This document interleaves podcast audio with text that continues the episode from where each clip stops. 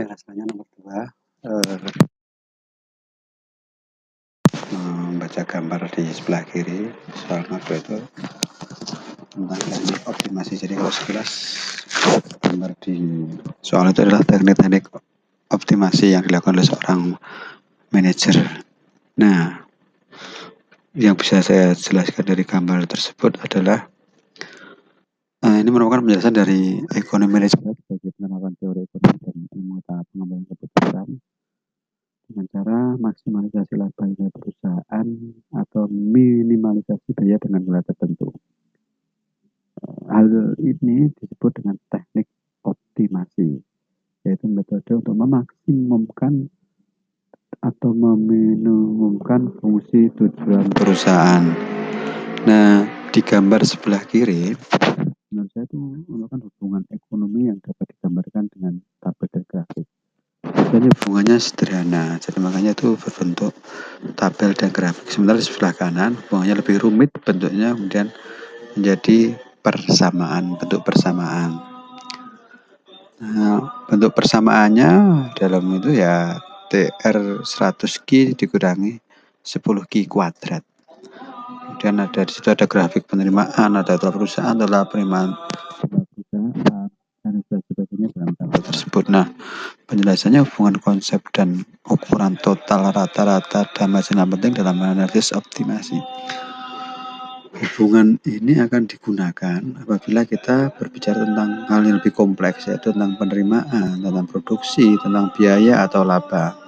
Term-term yang digunakan adalah bisa uh, di situ bisa disingkat TC yaitu total cost atau total biaya, kemudian AC itu average cost atau biaya rata-rata, MC itu marginal cost atau biaya marginal, kemudian di term penerimaan ada total revenue atau TR penerimaan total. Kemudian average revenue atau AR penerimaan rata-rata. Kemudian ada juga marginal revenue atau penerimaan marginal. Uh, analisis optimasi sendiri adalah analisis yang digunakan untuk melajari proses perusahaan dalam menentukan tingkat output yang maksimum terdapat cara-cara yaitu maksimalisasi laba marginal optimasi dengan kalkulus diferensial. Nah, kira-kira itu sih simpelnya untuk yang soal nomor 1A. Nah, untuk nomor 2B itu di situ kita diminta untuk memberikan rekomendasi apa selaku seorang mahasiswa magister manajemen apabila seorang direktur perusahaan sedang galau dengan kondisi perusahaannya. Jadi begini, yang pertama kita mesti tahu ada berapa metode sih untuk teknik optimasi ini. Ini kan proses ujung-ujungnya.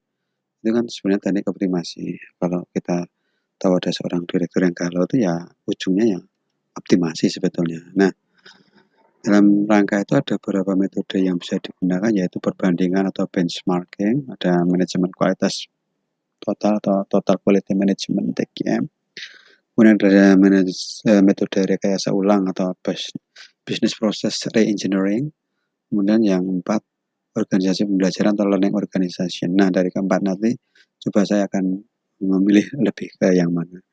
Tapi sebelumnya eh, sedikit penjelasan untuk yang teori perbandingan itu atau benchmarking ini dilakukan biasanya dilakukan di lapangan ke perusahaan lain melakukan benchmark seperti apa sih perusahaan di luar sana ini membutuhkan oleh proses yang spesifik yang harus diperbaiki identifikasi beberapa perusahaan dapat mengerjakan dengan lebih baik, mengirim utusan pembanding.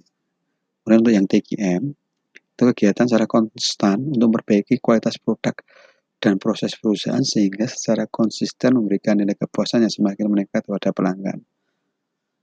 TGM sendiri ini aturan suksesnya yaitu CEO harus secara tegas dan nyata mendukung program TGM. Program TGM harus jelas memperlihatkan bagaimana program ini menguntungkan dan menciptakan nilai untuk pelanggan dan perusahaan. Harus memiliki tujuan strategis. TGM harus memberikan hasil keuangan dan kompensasi dalam waktu singkat. Program TGM unik untuk setiap perusahaan. Jadi perusahaan tidak hanya meniru program TGM lainnya. Kemudian yang ketiga, metode ketiga adalah business process re-engineering atau rekayasa ulang.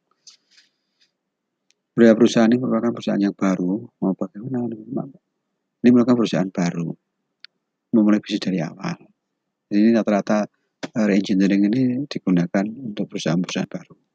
Kemudian learning organization. Organisasi pembelajaran bahwa keuntungan kompetitif diperoleh membutuhkan pembelajaran yang berkelanjutan. Lima komponen dasar learning organization yaitu model mental baru, kemahiran personal, pemikiran sistem, visi bersama, dan lima tim pembelajaran. Nah dari dua metode tersebut kalau melihat ada itu yang galau apa namanya uh, seorang manajer yang galau maka saya akan menyarankan pada dua yaitu metode perbandingan dengan melihat atau di lapangan ke perusahaan lain uh, kita lihat uh, mengidentifikasi apa yang dapat kita kerjakan dengan melakukan benchmark ke perusahaan lain kemudian yang kedua metode planning organization artinya ya setelah kita melakukan benchmark ya kita lakukan pembelajaran berkelanjutan berupa sikap mental, kemahiran, pemikiran, visi dan pembelajaran tim. Jadi kalau menurut saya lebih eh, dua hal itu yang metode yang bisa saya sarankan. Intinya belajarlah dan terus belajar dengan melihat yang lain biar mainnya makin lama tulen saya toh saya wangi dan banyak wawasan. Saya kira itu kalau menurut saya bagi seorang manajer yang sedang galau. Terima kasih.